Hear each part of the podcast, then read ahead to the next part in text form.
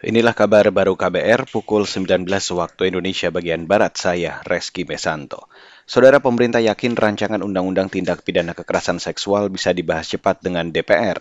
Optimisme itu disampaikan Wakil Menteri Hukum dan HAM sekaligus Ketua Gugus Tugas Percepatan Pembahasan RUU TPKS, Edward Omar Hiarich.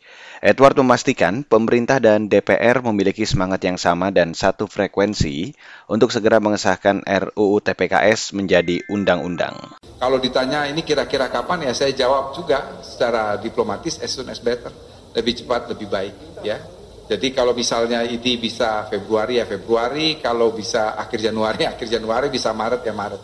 Tapi saya yakin dan percaya, saya optimis bahwa pemerintah dan DPR dalam dalam konteks ini adalah bukan lagi political will dari pemerintah, tapi political will dari negara. Wakil Menteri Hukum dan HAM Edward Omar Sarif mengatakan saat ini tim gugus tugas masih menunggu sidang paripurna DPR mengesahkan draft RUU TPKS sebagai rancangan undang-undang inisiatif DPR. Setelah draft disahkan, gugus tugas pemerintah akan meminta masukan dari publik. Presiden juga akan segera mengirim surat penugasan menteri dalam pembahasan beserta daftar inventaris masalah atau DIM. Beralih ke informasi lingkungan, saudara, LSM Energi dan Lingkungan Trend Asia menilai tahun lalu sektor energi dan lingkungan banyak menimbulkan masalah. Peneliti dan manajer program Trend Asia, Andri Prasetyo mengatakan, masalah di antaranya muncul akibat inkonsistensi pemerintah dalam menentukan kebijakan energi. Secara spesifik, permasalahan energi 2021 didominasi oleh persoalan batu bara. Dalam konteks ini, sebenarnya 2021 ada banyak pernyataan-pernyataan atau komitmen pemerintah yang sekilas memang bagus luar biasa gitu indah secara diplomatis tetapi memang kalau dibedah secara uh, konseptualisasi baik secara kebijakan maupun turunan-turunannya memang ada banyak inkonsistensi terkait dengan kebijakan energi yang dipilih oleh pemerintah. Peneliti LSM Lingkungan Trend Asia, Andri Prasetyo, mengatakan sejumlah kebijakan energi yang dinilai bermasalah adalah dicoretnya limbah batubara PLTU dari kategori limbah beracun berbahaya atau B3.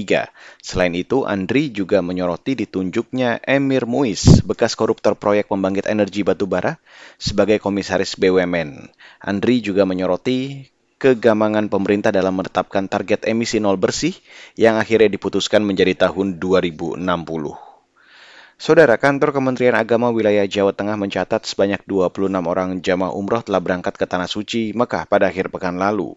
Kepala Biro Haji dan Umroh Kemenak Jawa Tengah, Ahyani mengatakan, puluhan jemaat umroh itu merupakan pemberangkatan kloter pertama pada tahun ini dan selama pandemi COVID-19.